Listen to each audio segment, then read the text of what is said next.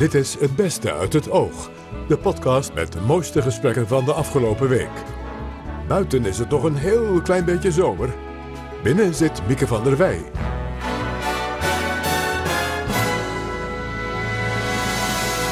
Nou, een heel klein beetje zomer. Ik vind het behoorlijk herfstig eh, vandaag. Maar goed, hartelijk welkom bij Het Beste uit het Oog. Straks gaan we het hebben over 100 jaar vrouwen in de Tweede Kamer. Het is voor ons altijd zo dat wij moeten 150% zijn. Want als een man een fout maakt, dan zeggen ze een vergissing is menselijk. Maar als wij, wij een fout maken, wij vrouwen, wordt er gezegd... zie je wel dat die vrouwen niet deugen voor de politiek. En wat maak je mee als blijkt dat je man kinderporno bekijkt? Ja, wat betekent dit? Had ik het kunnen zien? Zelf schuldvraag? Uh, had ik het kunnen voorkomen? Is hij nou pedofiel? Zijn mijn kinderen veilig? Heel veel vragen komen naar voren. Luister even goed naar dit geluidje. Kunt u raden wat het is? We gaan het u straks uitleggen. Eerst een uniek gesprek in de geschiedenis van het oog. Alle vier de NOS-meteorologen waren bij mij te gast om te praten over hun zorgen, maar ook over hun optimisme over het klimaat. Dit naar aanleiding van het boek Gevoelstemperatuur. Peter Kuipers-Munneke, Gerrit Hiemstra en Willemijn Hubert en Marco Verhoef. Ik vroeg aan hem of hij een moment kon noemen waarop de klimaatverandering voor hem concreet werd. Um, nou ja, het, ineens heel duidelijk. Het is bij mij een beetje een, een glijdende schaal geweest, een lopend proces. Maar één ding kan ik me nog wel heel goed voor de geest halen. En dat is dat ik in 2010 eh, eh, ergens in Oostenrijk bij een gletsjer stond. Daar heb ik een foto van gemaakt. En toen realiseerde ik dat ik daar een, 18 eh, jaar daarvoor ook geweest was. En die foto's die heb ik eens naast elkaar gelegd. En toevallig bleek ik op vrijwel dezelfde plek een foto gemaakt te hebben van die gletsjer. Die foto's die ook in het boek staan. Die foto's die ook in het boek staan inderdaad. En ja, dat was toch wel nou ja, redelijk duidelijk wat daar speelde. Dat was toch wel een heel stuk geslonken in slechts 18 jaar. En ik denk dat als je dan toch een moment moet aanwijzen... dat voor mij dat het moment ongeveer was. Ja. Peter, hoe was het bij jou? Nou, eh, kijk, ik doe ook voordat ik hier bij de NOS aan Ja, je bent klimaatwetenschapper, hè? Ja. Ja, ja, dus op een gegeven moment begon het, begon het wel te dagen, hoe, hoe de vork in de steel zat. Uh, maar ik heb een heel bijzonder moment gehad, uh, zelfs nadat ik nou ja, boeken vol heb en artikelen vol heb geschreven over het klimaat. Um, had ik een heel bijzonder moment um, bij de NOS. Vorig jaar ben ik voor de NOS naar Canada geweest. En daar hebben we reportages gemaakt over het dooiende permafrost. En uh, er was eigenlijk een heel grappig moment. Of een, iets wat voorbij een knop heeft omgezet. En dat was dat we voor die reis naar Canada toe... was ik samen met een verslaggever, Emiel van Oers. En we hadden gekeken hoe kunnen we er nou een wedstrijdje van maken... wie tijdens die reis de minste CO2 uitstoot. Dus ik ging kort douchen en ik ging vegetarisch eten. En ik ging uh, mijn vliegticket uh, compenseren, groen compenseren. En hij ging dat allemaal niet doen. En dan gingen we proberen te kijken wat het verschil nou eigenlijk was. En toen, vanaf dat moment ben ik eigenlijk gaan rekenen in termen van CO2. En gaan nadenken over, oké, dat wat ik waar, ik onderzoek naar doe, dat is niet alleen maar een abstracte werkelijkheid, maar dat is ook gewoon mijn eigen leven. Ja, daar gaan we het zo meteen nog over hebben. Ik wil het eerst even deze vraag beantwoord horen door Gerrit. Gerrit, had jij een moment nou, dat is bij mij ook een, een, een proces geweest. Mm. Maar ik heb me wel gerealiseerd. Um, kijk, ik ben opgegroeid in Friesland. Nou, zeg Friesland, zeg schaatsen. En de afgelopen winters, ja, we hebben echt heel weinig uh, ja, kunnen schaatsen de afgelopen tijd. Dat vind ik het meest opvallend. En mm-hmm. nou ja, het meest opvallend is natuurlijk de Elfstedentocht, die echt al inmiddels uh, ruim twintig jaar geleden voor het laatst georganiseerd is. Ja. Dus het zegt eigenlijk wel genoeg. En dat, dat is natuurlijk iets, ja, in Friesland is het iets groots, maar eigenlijk is het maar iets kleins. Um, maar dat geeft toch wel aan uh, ja, hoe belangrijk uh, of hm. ja, hoe, hoe dat proces nu al volop aan de gang is. Ja, Willemijn? Voor mij is het ook een beetje een, een, een proces geweest, maar meer een aanvulling. Want ik ben al opgevoed uh, door mijn ouders om heel bewust met het milieu om te gaan en geen rotzooi op straat uh, te gooien. En uh, goed nadenkt over hoe je met je spullen omgaat. En um, sinds ik bij de NOS werk is daar het klimaat bijgekomen. En, en, en inderdaad wat Pok Peter zegt, hoe zorg ik ervoor dat mijn CO2-voetafdruk zelf steeds kleiner gaat worden. Wat kan ik daaraan bijdragen? Nou dus ja, ik begreep het is een beetje een groei. Ja, ik begreep van Peter dat jij wat dat betreft, hè, wat, wat maatregelen betreft in jullie eigen leven, wel de koningin bent van jullie vier. Qua duurzaam leven. Sowieso. Dat heb ik echt zo gezegd. Ja. nou, eh, Nou, bedankt. Bedankt ja. voor het mooie maar. Peter, waar heeft ze dat aan te danken? Nou, Willemijn die is van ons vieren denk ik het, het allerverst in het consequent doorvoeren van eh, klimaatmaatregelen in haar eigen privéleven. Het is eigenlijk een beetje gek, Willemijn, dat ik dit over jou aan het vertellen ben. Hè? nee, maar ik eh, luister graag.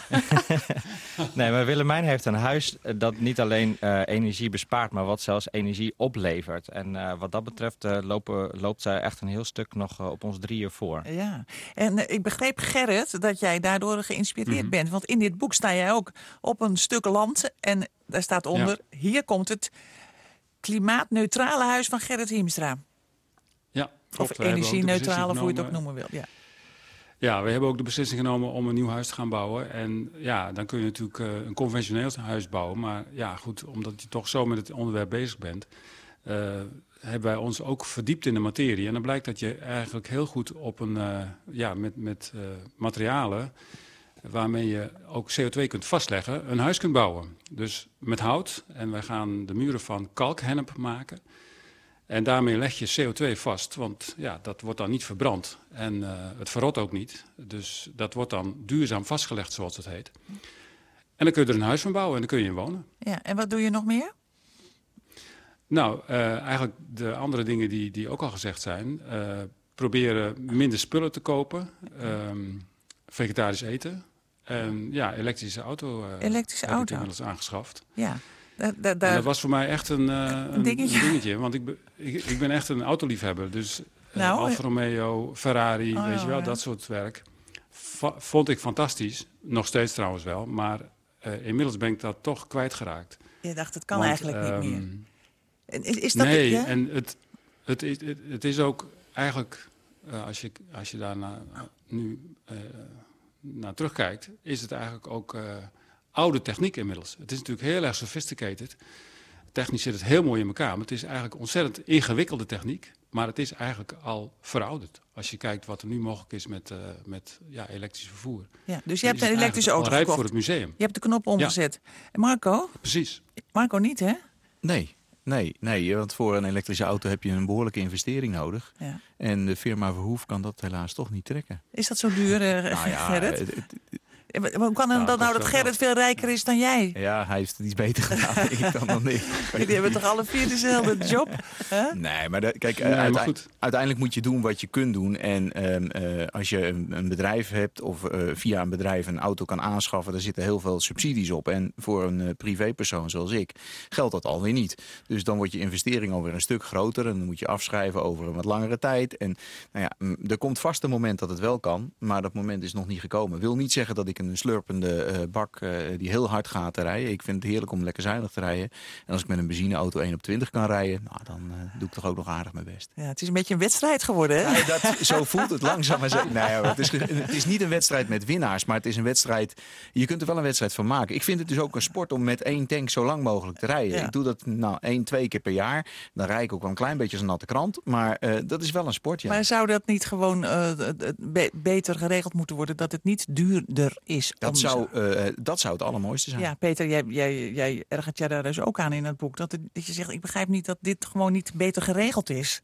Nou kijk, een van de dingen... ik- Ik ben me dus gaan verdiepen zelf in, in, in die hoeveelheid CO2 die ik uitstoot. En, en dan als je daar echt in gaat verdiepen, dan eh, maak je je die materie zo eigen dat je weet, oké, voor elke zes kilometer die ik rijd met een auto, stoot ik 1 kilo CO2 uit. Hè? Dat is een voorbeeld.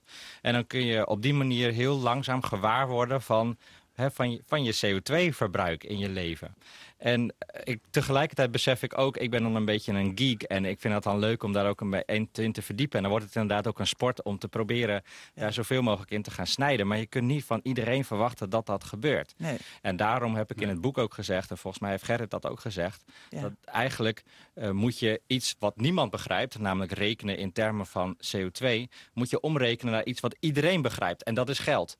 Iedereen begrijpt hoe je geld kan besparen en waar je geld aan uitgeeft. En, en kunt, je kunt dingen met elkaar vergelijken in termen van euro's. Ja. Dus eigenlijk zou je eh, CO2 moeten omzetten in geld. Ja. En dus op met een soort van CO2-belasting of wat dan ook. En op die manier hoef je dingen niet duurder te maken. Maar daarmee probeer je mensen te verleiden om dingen te gaan doen, aan te schaffen...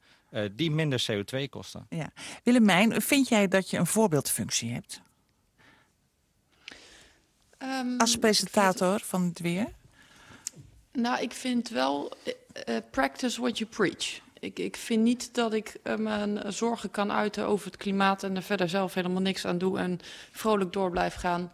Uh, zoals het vroeger allemaal um, gebeurde. Dus ja, in die zin wel. En ik wil mezelf helemaal niet groter maken dan, dan ik ben. En, en daarom vind ik voorbeeldfunctie misschien een beetje een, een te groot woord. Maar ik vind het wel belangrijk dat ik doe wat ik zelf Um, dat ik ook uitstraal um, dat waar ik zorgen over heb, ik er zelf ook wel wat aan bijdraag. Ja, uh, de, de schrijfster van het we... boek, hè, Helene Ecker, heeft ook aan jullie gevraagd uh, of jullie een, een, cijfer willen geven aan jullie bezorgdheid wat de klimaatverandering betreft. En die lopen nogal uiteen. Gerrit, jij had een, maar een 2.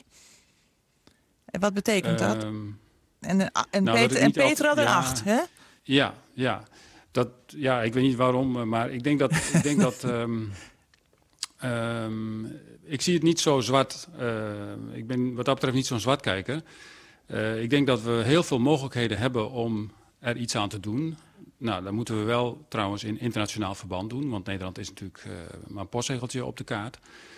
Um, maar ik denk dat als we met z'n allen erin slagen om maatregelen te nemen... dat we wel degelijk er nog iets aan kunnen doen. Moeten we wel snel zijn trouwens. Moeten we niet 50 jaar mee wachten. Hoe eerder we daarmee beginnen, hoe beter het is... Dat is tenminste wat de wetenschap ons vertelt. Ja. Dus dat geloof ik dan maar. Uh, maar als we dat doen, en we hebben ook in het verleden al heel veel van dat soort transities meegemaakt. Hè. Ik ben vroeger opgegroeid met een kolenkachel thuis. Nou, toen kwam, het, uh, toen kwam de centrale verwarming. Dat was eigenlijk ook een energietransitie. Hè. We hadden vroeger de mijnen in Limburg, die zijn gesloten. We hebben het gas in Groningen. Nou, dat gaat op afzienbare termijn, zal dat ook afgesloten ja. moeten worden.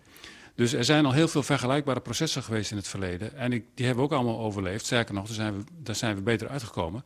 Dus ik verwacht dat we ook dit proces wel zullen overleven. Goed, hij is uh, de meest optimistische van jullie, uh, van jullie vier. Zeker. ja, en Peter... ik, moet, ik moet, zeggen dat ik het heel grappig vind. Want als je dus inderdaad het cijfer niet leest, maar de beschrijving wel... Ja. dan ligt wat Gerrit zegt enorm dicht bij wat ik zeg. Alleen kennelijk heb ik een bepaalde Calvinistische inslag... die dan toch aan de, aan de, aan de ja, wat voorzichtige kant gaat zitten. Ik geloof dat ik een 6 of een 7 gaf. 7, zeven ja, 7. Nou ja, kijk, uh, dan ben je dus inderdaad wel bezorgd. Ja. Maar het is niet zo dat je geen mogelijkheden ziet. Geen, geen uitdagingen die je, die je aan kunt pakken.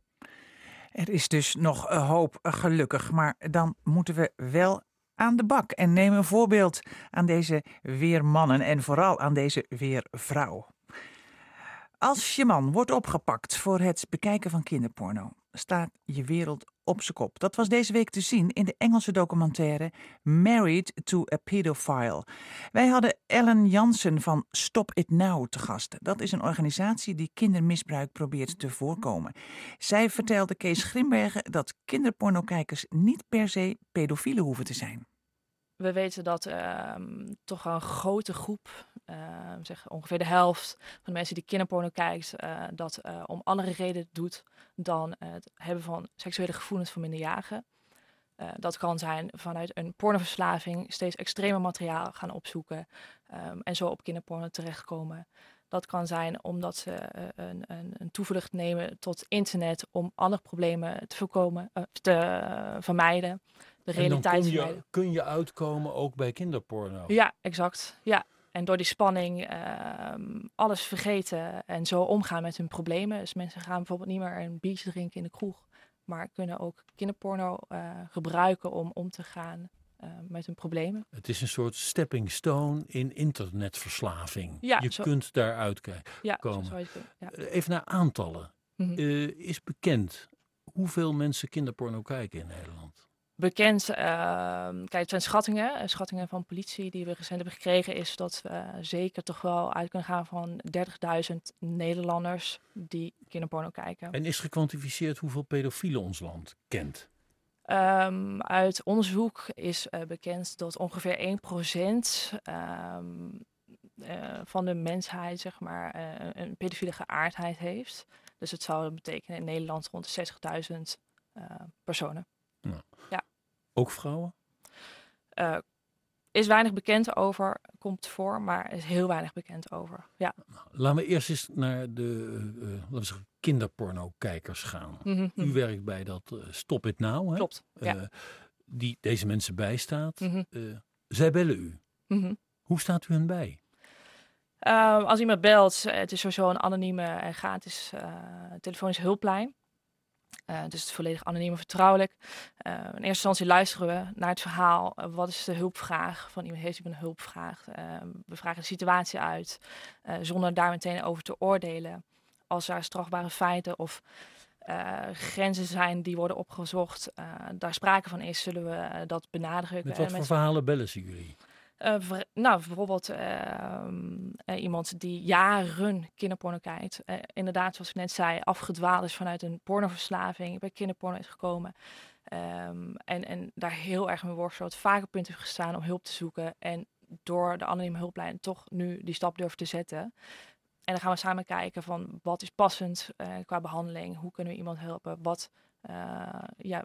En hoe, ga je dan, hoe, hoe kan je iemand behandelen die veel naar kinderporno kijkt? Ja, nou ten eerste is het natuurlijk van belang om te achterhalen met een specialist.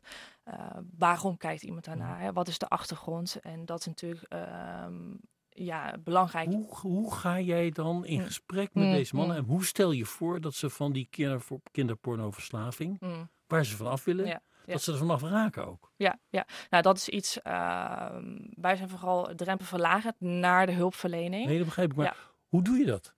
Wat, wat, kan je, wat, kan je, zeggen? Wat kan je aanbieden? Wat kan je doen? Nee, ik begrijp het. Um, belangrijk is voor, voor veel, uh, voornamelijk mannen die bellen, is om aan te geven uh, dat ze niet de enige zijn. Dat helpt ze om de drempel te verlagen. Dat er hulp is, dat je vanaf kan komen, uh, te motiveren. Maar hoe kom je er vanaf? Hoe kom je er vanaf? Nou, door in behandeling te gaan en daarover het gesprek aan te gaan. En samen met die behandelaar te gaan kijken, waar liggen mijn risico's? Is dat dan psychoanalyse? Hoe, hoe, moet ik me dat voorstellen? Dat je dus... Een psychologische behandeling, dat kan... Je bent heel lang gewend geweest om het mm-hmm. wel te doen. Mm je hebt aan de bel getrokken. Hoe raak je ervan af? Ja, nee, dat, dat kan uh, verschillend zijn. Bijvoorbeeld een, een verslavingsbehandeling. Hè. Als het over pornoverslaving gaat, dan is dat wat behandeld moet worden. Uh, bijvoorbeeld een pornoverslaving behandelen door cognitieve gedragstherapie, ik noem iets.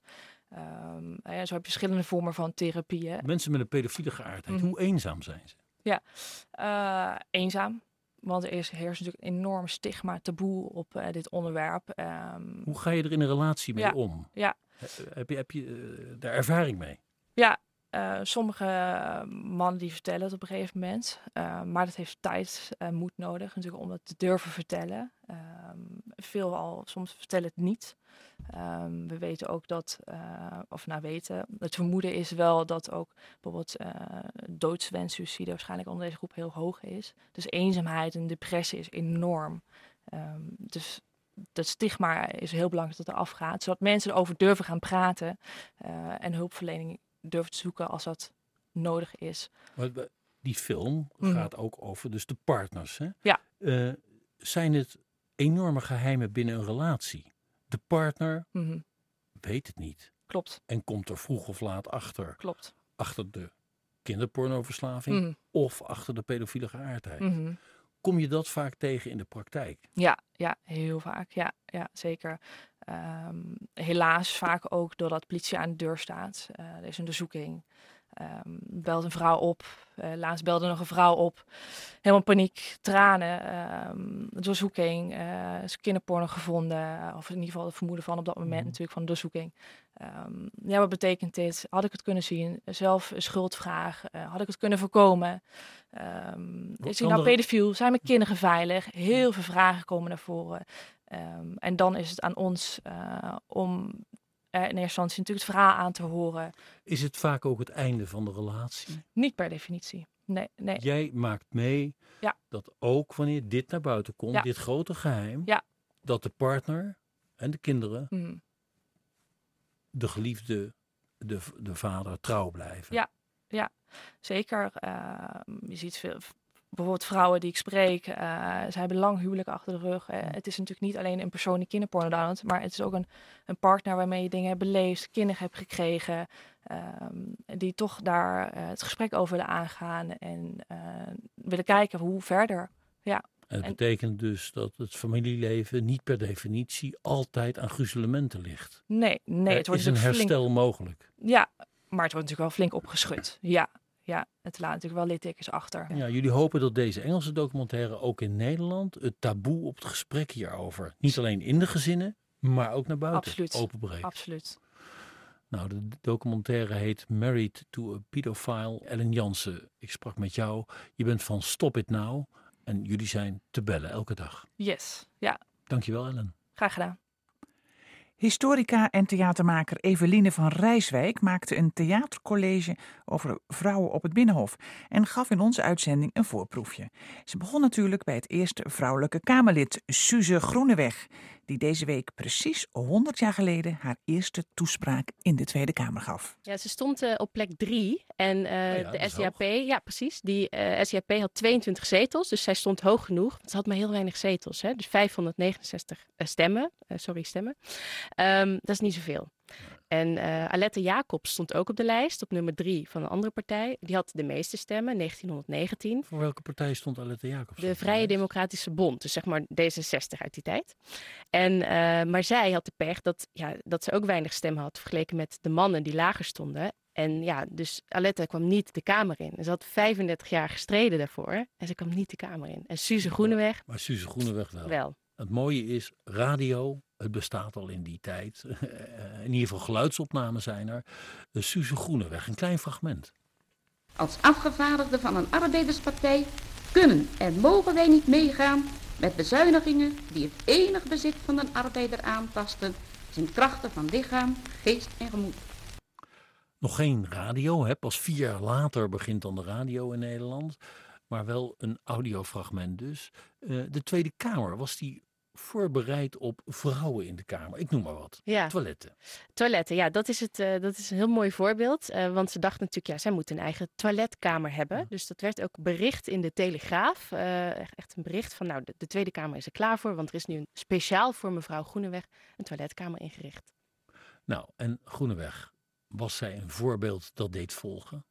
Ja, zij uh, zat dus eerst in haar eentje in de kamer. Dus ja, je kan je voorstellen dat dat uh, ja, ook wel moeilijk voor haar geweest is. Eén vrouw tegenover toen nog 99 mannen. En later werden het er pas 150. Uh, eh, en bij de eerste verkiezingen van 1922, waarbij ook vrouwen mochten stemmen, werden er zeven vrouwen gekozen. Dus het, ze moest even wachten, maar toen waren ze ook met z'n zevenen. Ja. Dus... Nou, en de vrouwen zelf, hielden zij zich bezig met de brede zaken, het volksbelang? Of? Nou, Uitsluitend met vrouwen zijn? Ja, nou, dat, ze werden wel uh, door de partij, werd wel gedacht, nou, dat is een vrouw, vrouwelijke inborst, vrouwelijke onderwerpen. Maar dat moet ook gezegd worden, er moest nog een hoop gebeuren op het uh, vlak van uh, vrouwenrechten. Dus bijvoorbeeld handelingsonbekwaamheid. Mijn oma ja, werd gewoon ontslagen als ze getrouwd, toen ze trouwde. En werd handelingsonbekwaam verklaard. Ja, dat soort wetten moesten natuurlijk nog wel even eruit gehaald worden. Uh, er is nog een Kamerlid, Corrie Tendelo. Ja. Wie, wie is het? Ja, Corrie Tendelo vind ik Of zullen we eerst even naar de lijst? Ja, laten we doen. We hebben ook een fragment van haar. Ja. Dat in een nieuwe maatschappij ook de vrouw haar positie moet innemen als een volwaardig deelnemster aan het maatschappelijk gebeuren. Dat de medewerking van de vrouw een onmisbare zaak is. Ja. Licht eens toe wie ze is, want het is jaren 50 zijn Dit is jaren 50 inderdaad. En uh, ik noemde net al die handelingsonbekwaamheid. Nou, dankzij Corrie Tendelo uh, en haar partij, uh, de Partij van de Arbeid ook, um, is het gelukt om dat ontslag van de um, ja, ambtenaren, vrouwen als ze in, in overheid werkten, dat werd afgeschaft. En ook die handelingsonbekwaamheid afgeschaft. En wat in haar geval heel tragisch is, is dat zij een operatie zelfs uitgesteld heeft. Zij had kanker om bij de stemming aanwezig te zijn. En dat was echt nodig, want was mm. met 46, 44 uh, is de handelingsonbekwaamheid en dat ontslag van de gehuwde ambtenares is dus uit de wet gehaald. En dat is dankzij haar. Uh, zij overleed in oktober 56 en uh, wel wetende dat Marga Klompé de eerste minister werd. Dus dat, heeft ze nog net meegemaakt. Ja, dat was goed nieuws. Ehm, kun je zeggen dat de volwaardige positie van de moderne Nederlandse vrouw, dat die ook te danken is aan de strijd van deze vrouwen in het parlement? Ja, zeker. Ik denk dat die, die vrouwen aan het begin, omdat ze met zo weinig waren, echt het verschil niet konden maken. Dus, dus die konden niet voorkomen dat zo'n wet als handelingsonbekwaamheid überhaupt ingevoerd werd. Dat, ja, hmm. Ze waren maar met z'n zeven of met z'n dertien in het begin. Um, dus je ziet echt als het aantal toeneemt en ook in de partijen die vrouwen meer gehoord worden, dat zij dus ook uh, ja, emancipatiebeleid uh, kunnen gaan maken. En dan hebben we het echt over de jaren zeventig en verder. Goed, ze waren heel lang met slechts enkelen. Ze waren een grote minderheid. Hoe hielden zij zich staande in het Haagse mannenbolwerk? Ook daar hebben we een klein fragmentje over. Het is voor ons altijd zo dat wij moeten 150% zijn. Want als een man een fout maakt, dan zeggen ze een vergissing is menselijk. Maar als wij, wij een fout maken, wij vrouwen, wordt er gezegd... zie je wel dat die vrouwen niet deugen voor de politiek. Ze staan echt in het begin te kijken of je het goed doet... of je niet je nek breekt, of je geen domme dingen doet. En ik zeg altijd, er wordt gewoon van een vrouw meer verwacht. Nou, ik herken beide stemmen. Ik ben zo oud dat ik ze allebei heb meegemaakt. Nou, wat als, mooi. Als puber. Uh, zeg jij maar wie het waren. Ja, de eerste is uh, ja, Christine of Bob voor Intimie uh, Oetewaal Stoetwegen. Moeilijke naam. CAU, hè? Ja, CAU. Ze heeft van 45 tot 71 in de Kamer gezeten. Ontzettend lang. Ja. Op een gegeven moment kwam er een tweede vrouw bij de CAU. Zeiden ze, maar we hebben de Freule toch al? Want zo werd ze genoemd. De Freule, zo van, we hebben al één vrouw in de partij. Wat moeten we met nog één? En de tweede is natuurlijk Haya van Zomeren. Ook een hele kleurrijke en karaktervolle vrouw. Ja, en die, dus je ziet dat die... Van de VVD, hè? Voor die luisteraars die dat ja. Niet weten. Zij is zelfs partijvoorzitter, de eerste partijvoorzitter geweest. En zij, uh, ja, het waren ontzettend goede politici. En uh, ja, zij moesten wel vechten, ze moesten hun plaats bevechten en zich veel meer bewijzen. Ja, zullen we nog uh, naar een fragment van de vrouw die nooit de eerste vrouwelijke premier werd gaan? Want het is natuurlijk het verhaal van Marga Klompé. We luisteren even naar haar. Want ik had al gelezen in verschillende klanten dat er sprake van was dat u de nieuwe premier zou worden. Of premier, ik weet niet hoe dat zegt. Nou, dat premier, dat vind ik helemaal mooi, hè. Het is een primeur Mooie gedachte. Ja, het is een primeur. Maar ja, dat was natuurlijk ook uh, een uh, krantenverhaal, zou ik willen zeggen. Nou, dus is de laatste stem van Margaret Compé. En daarvoor Jaap van Meekeren, de interviewer van uh, Afro's Televisier was hij. Margaret Klompé, de première. Ja, de titel van mijn voorstelling, ja. ja. Ik dacht, het lijkt me een mooie titel, want uh, het is natuurlijk de primeur, de primaire, première geweest van Suze Groeneweg op het Binnenhof. Maar ja, ook die vraag van waar is nou die eerste vrouwelijke premier? Uh, ja, die staat natuurlijk nog open. En, uh, en, en, in dit geval was Margot Klompé een hele goede kandidaat geweest. Maar zij zei zelf, ja, um, ik ben financieel-economisch misschien niet helemaal onderlegd. Terwijl zij las alle stukken van de uh, ministerraad. En ze had heel veel ervaring en buitenlandervaring. dus er werd ook wel door journalisten gezegd, ja, als een, als een Marijne het kan en een de Jong, nou dan is een Margot Klompé bijna te goed ervoor. Ja, ik, ik zal ik jou eens wat vertellen. Ik Vertel. was krantenbezorger bij Margot Klompé in Den Haag op de Nieuwe uitleg waar zij woonde. En ik kwam ja. haar wel eens tegen. Ik bezorgde altijd de krant bij haar. Volgens mij was het Het Vaderland. Uh, een Haagse krant. En zij was altijd, had zij grote tassen, aktentassen met dossiers waarmee ze haar woning binnenging. Zo heb ik haar dus gezien als jongetje van 14, 15. Nou, dat past bij, bij het beeld, want zij las alles. Zij was echt een dossiervreter. We gaan naar de Tweede Kamer nu. Op het ogenblik. Hoeveel vrouwen in de Tweede Kamer? Ja, ik geloof 49. 49, ja, ja, ja. dat klopt het aantal. Ja, van de 150, ja. dus een derde. Het ging lange tijd omhoog. Uh, is het, is het minder geworden? Het is nu minder geworden, ja. Dus in Wat 2010 was de top dan? Was de top 64. En uh, eigenlijk doordat de Partij van de Arbeid zo klein is geworden, hè, die hebben een ritsmodel, man, vrouw, man, vrouw, zie je dat, uh, dat daardoor het aantal vrouwen ook flink afgenomen is. Heeft het effect op beleid? 64 of 49 vrouwen in de Kamer? Durf ik niet te zeggen. Maar ik... Maakt het je iets uit?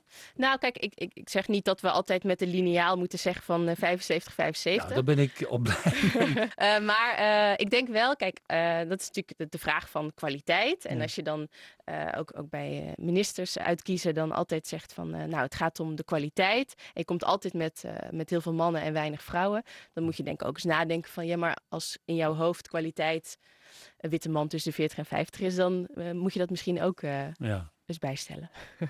Tot slot aan jou de vraag, een voorspelling. Wanneer de eerste vrouwelijke premier, Evelien van Rijswijk? Ja, nou dat, dat is leuk, want dat vraag ik ook aan mijn toehoorders. Dat ja. weten ze nog niet, maar dan hebben ze nu de primeur. Ja.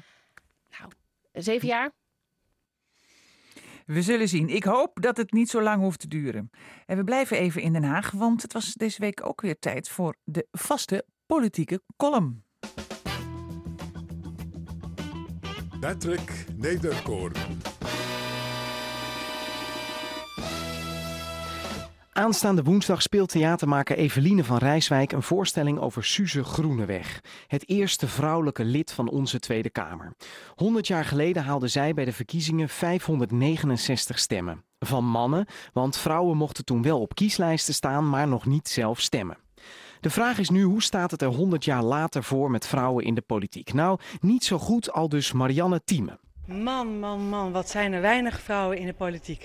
en op een partijbijeenkomst is zelfs Thierry Baudet de wanhoop nabij. Waarom zijn er zo weinig dames in de zaal? Leg me dat eens uit. Hoe komt dat? Jullie gaan toch allemaal met vrouwen om, neem ik aan. Hopelijk. Ja, er was niemand die zijn hand opstak. Zelf ben ik een aantal jaar gemeenteraadslid geweest en eerlijk is eerlijk, de vertegenwoordiging van vrouwen in de raad hield me niet echt bezig. Wie geschikt is, komt vanzelf wel bovendrijven, dacht ik. Op een dag hoorde ik over het Dunning-Kruger-effect. Dat houdt in dat incapabele mensen vaak denken dat ze ergens heel erg goed in zijn, terwijl capabele mensen juist denken dat kan iemand anders beter. Je zou kunnen zeggen dat dat ook het verschil tussen mannen en vrouwen is, maar dat terzijde. Een treurig idee. Het betekent dat zittende politici eigenlijk incapabel zijn en dat degenen die geschikt zijn de politiek niet in willen. Ik hoorde het en dacht gelijk, maar dit effect geldt natuurlijk niet voor mij. Hey, ik ben gewoon een hele goede politicus. Sterker nog, als iedereen, man of vrouw, geschikt of ongeschikt, nou gewoon op mij stemt, dan komt het allemaal wel goed met de wereld. Of zoals ze bij de SGP zeggen. Als ik vrouw was, stemde ik SGP. Juist. Inmiddels ben ik oud-politicus. Dat onuitstaanbare soort mensen dat ineens gaat nadenken en roept wat er allemaal niet deugt. En als ik terugkijk op mijn politieke tijd, dan vraag ik me nu af of de vrouw, ten koste van wie ik de hoogste plek op die kandidatenlijst kreeg, ook echt minder geschikt was, zoals ik toen dacht. Waarschijnlijker is dat ik gewoon harder schreeuwde dat ik capabel was en dat ik niet de moed had om plaats te maken voor iemand uit een groep die minder vertegenwoordigd was dan de mijne. Volgens Kamerlid Kirsten van Hul gaat de gelijktrekking van mannen en vrouwen in Nederland extreem traag. Als we in het huidige tempo doorgaan, dan duurt het volgens de World Economic Forum nog 217 jaar voor mannen en vrouwen een gelijke positie bereiken op professioneel, economisch en politiek gebied. En inderdaad, deze week werd Nederland weer voorbijgestreefd door een land waar wel 50% van de kabinetsleden vrouw is en er een vrouwelijke president is, namelijk Ethiopië. Vorige week zei hoogleraar Beatrice de Graaf: We zijn pas echt geëmancipeerd als er ook luie, slechte vrouwen aan de top komen. Want er zijn genoeg mannen van dat kaliber. Tja, een goede zin. Maar nog beter zou het zijn als capabele mensen voortaan zeggen: laat mij het maar proberen. En incapabele mensen denken: dat kan iemand anders beter. Zelfinzicht dus en de moed tot het plaatsmaken voor een ander. En dat noemen we dan het Suze Groeneweg effect.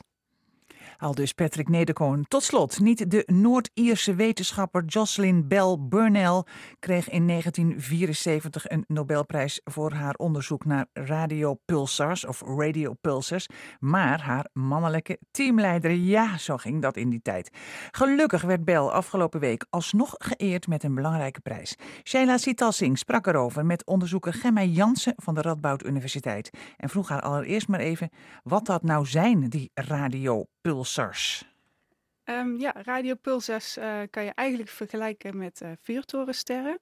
Um, het is het eindproduct van een gewone ster zoals de zon, maar dan eentje die uh, vrij veel massa had, ongeveer 8 tot 10 keer zo zwaar als de zon. Mm -hmm. En aan het eind van zijn normale leven is die ontploft als een supernova en is er een klein sterretje overgebleven. Mm -hmm. Het is heel erg in elkaar gestort, dus het is heel zwaar geworden en heel klein. Het is ongeveer de grootte van een stad Hilversum, maar net zo zwaar of anderhalf keer zo zwaar als de zon. Dus er zijn heel extreme uh, natuurkundige processen komen daarin uh, voor.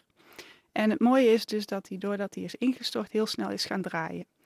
Um, ook zendt deze ster stelt, uh, zendt radiostraling uit, net als een vuurtoren, dus in bundels. En omdat de ster zo snel ronddraait, is elke keer dat die bundel straling uh, deze kant op gaat, kunnen wij een pulsje waarnemen. Oké, okay. en, en wat hebben we aan die pulsjes? Sterrenkundigen willen natuurlijk graag begrijpen hoe het heelal in elkaar zit. Um, en wat we doen met het meten van pulsars is, uh, we meten die aankomsttijden van de pulsen heel precies. En daardoor uh, kunnen we meten en begrijpen wat er met zo'n ster gebeurt. De ster verliest energie. Um, soms kan je meten dat de ster met een andere ster in een, in een baan zit. En door dan heel precies te meten kunnen we daar de baanparameters uit afleiden. En als ik terugga naar zo'n supernova-explosie waaruit de pulsar is ontstaan, daar komen alle zware elementen uit vrij die, waaruit dan, die je nodig hebt om bijvoorbeeld leven te vormen. Dus het gaat indirect ook terug naar uh, het ontstaan van het leven. En dat is wat de mens natuurlijk graag wil weten. Ja, dus we kunnen aan de hand van die pulsars meer te weten komen over het ontstaan van het leven. Zeg, of zeg ik dat nu iets te simpel? Uh, er zijn meerdere stappen bij betrokken, maar de voorstadium van een pulsar die, uh, is, uh, levert wel ingrediënten van grotere moleculen op. Ja. Oké, okay. nou, we kunnen even luisteren naar zo'n pulsar. Daar hebben we geluid van.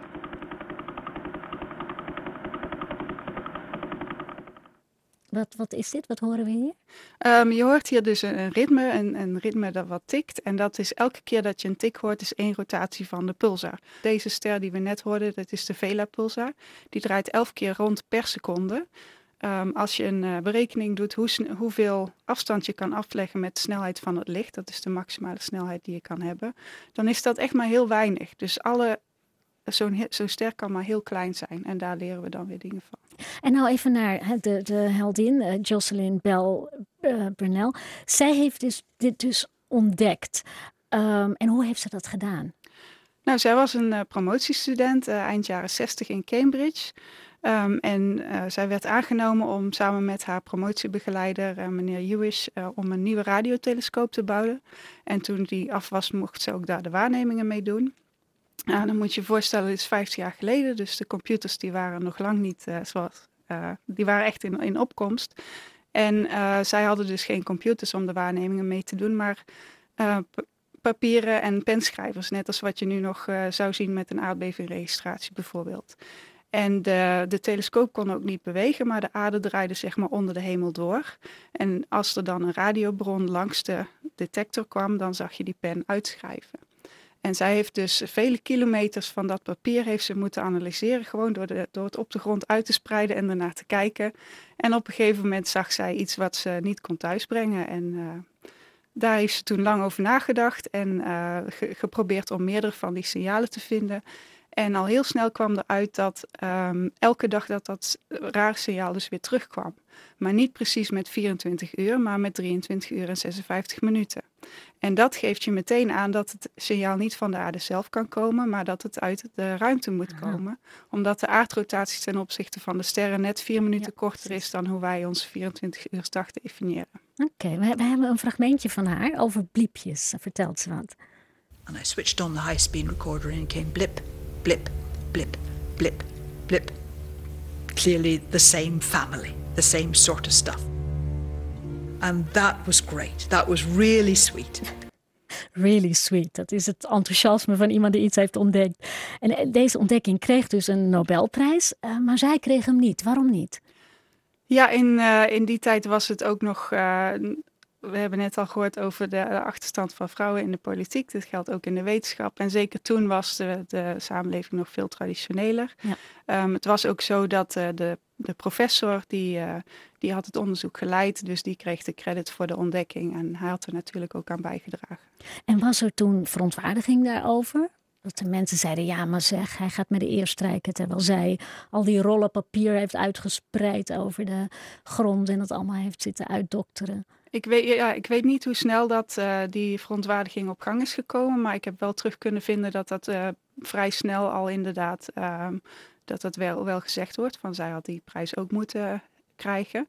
Ze is daar zelf altijd vrij bescheiden over geweest. En ik heb ook uh, een, een, lezing van haar teruggevonden waarin ze zegt van de promotor was verantwoordelijk voor het werk en de student was een student. En de student had ook niet het overzicht wat die ontdekking nou eigenlijk kon betekenen. Dus zij vond het um, terecht dat de professor de Nobelprijs kreeg. Ze heeft ook wel eens gezegd van, juist omdat ik die Nobelprijs niet gekregen heb, heb ik wel veel andere prijzen gekregen. Ja, ja, een soort, soort compensatie voor het feit dat ze die, die Nobelprijs nooit kreeg. Nou, of je het compensatie moet noemen, dat gaat misschien een beetje ver. Maar ze heeft daar wel um, publiciteit voor gehad. En ze heeft toch ook wel de erkenning gekregen voor haar aandeel in de ontdekking. Want die is echt, als zij er niet was geweest en gezien had van daar is iets raars aan de hand, dan was het gewoon uh, niet toen al ontdekt. Ja, dan was het gewoon langs ons heen gegaan. En het, morgen krijgt ze dus de Special Breakthrough Prize, zo heet uh, deze prijs. Is, is dat nou een heel belangrijke prijs? Ja, zeker wel. Het is een grote prijs. Het uh, gaat over 3 miljoen dollar, dus het is uh, niet niks. Um, en uh, het is ook niet, ja, het wordt elk jaar uitgereikt voor een goede bijdrage aan de wetenschap. En zij krijgt die voor haar ontdekking van radiopulsars en ook voor haar um, um, leiderschap in de verbetering van de positie van vrouwen in de wetenschap. Nou, toch nog een kleine genoegdoening voor Jocelyn Bell. Dit was het weer, de podcast van de week. Dank je wel voor het luisteren. Tot volgende week. Dag. Gute Nacht, Freunde. Es wird Zeit für mich zu gehen. Was ich noch zu sagen hätte, dauert eine Zigarette und ein letztes Glas im Stehen.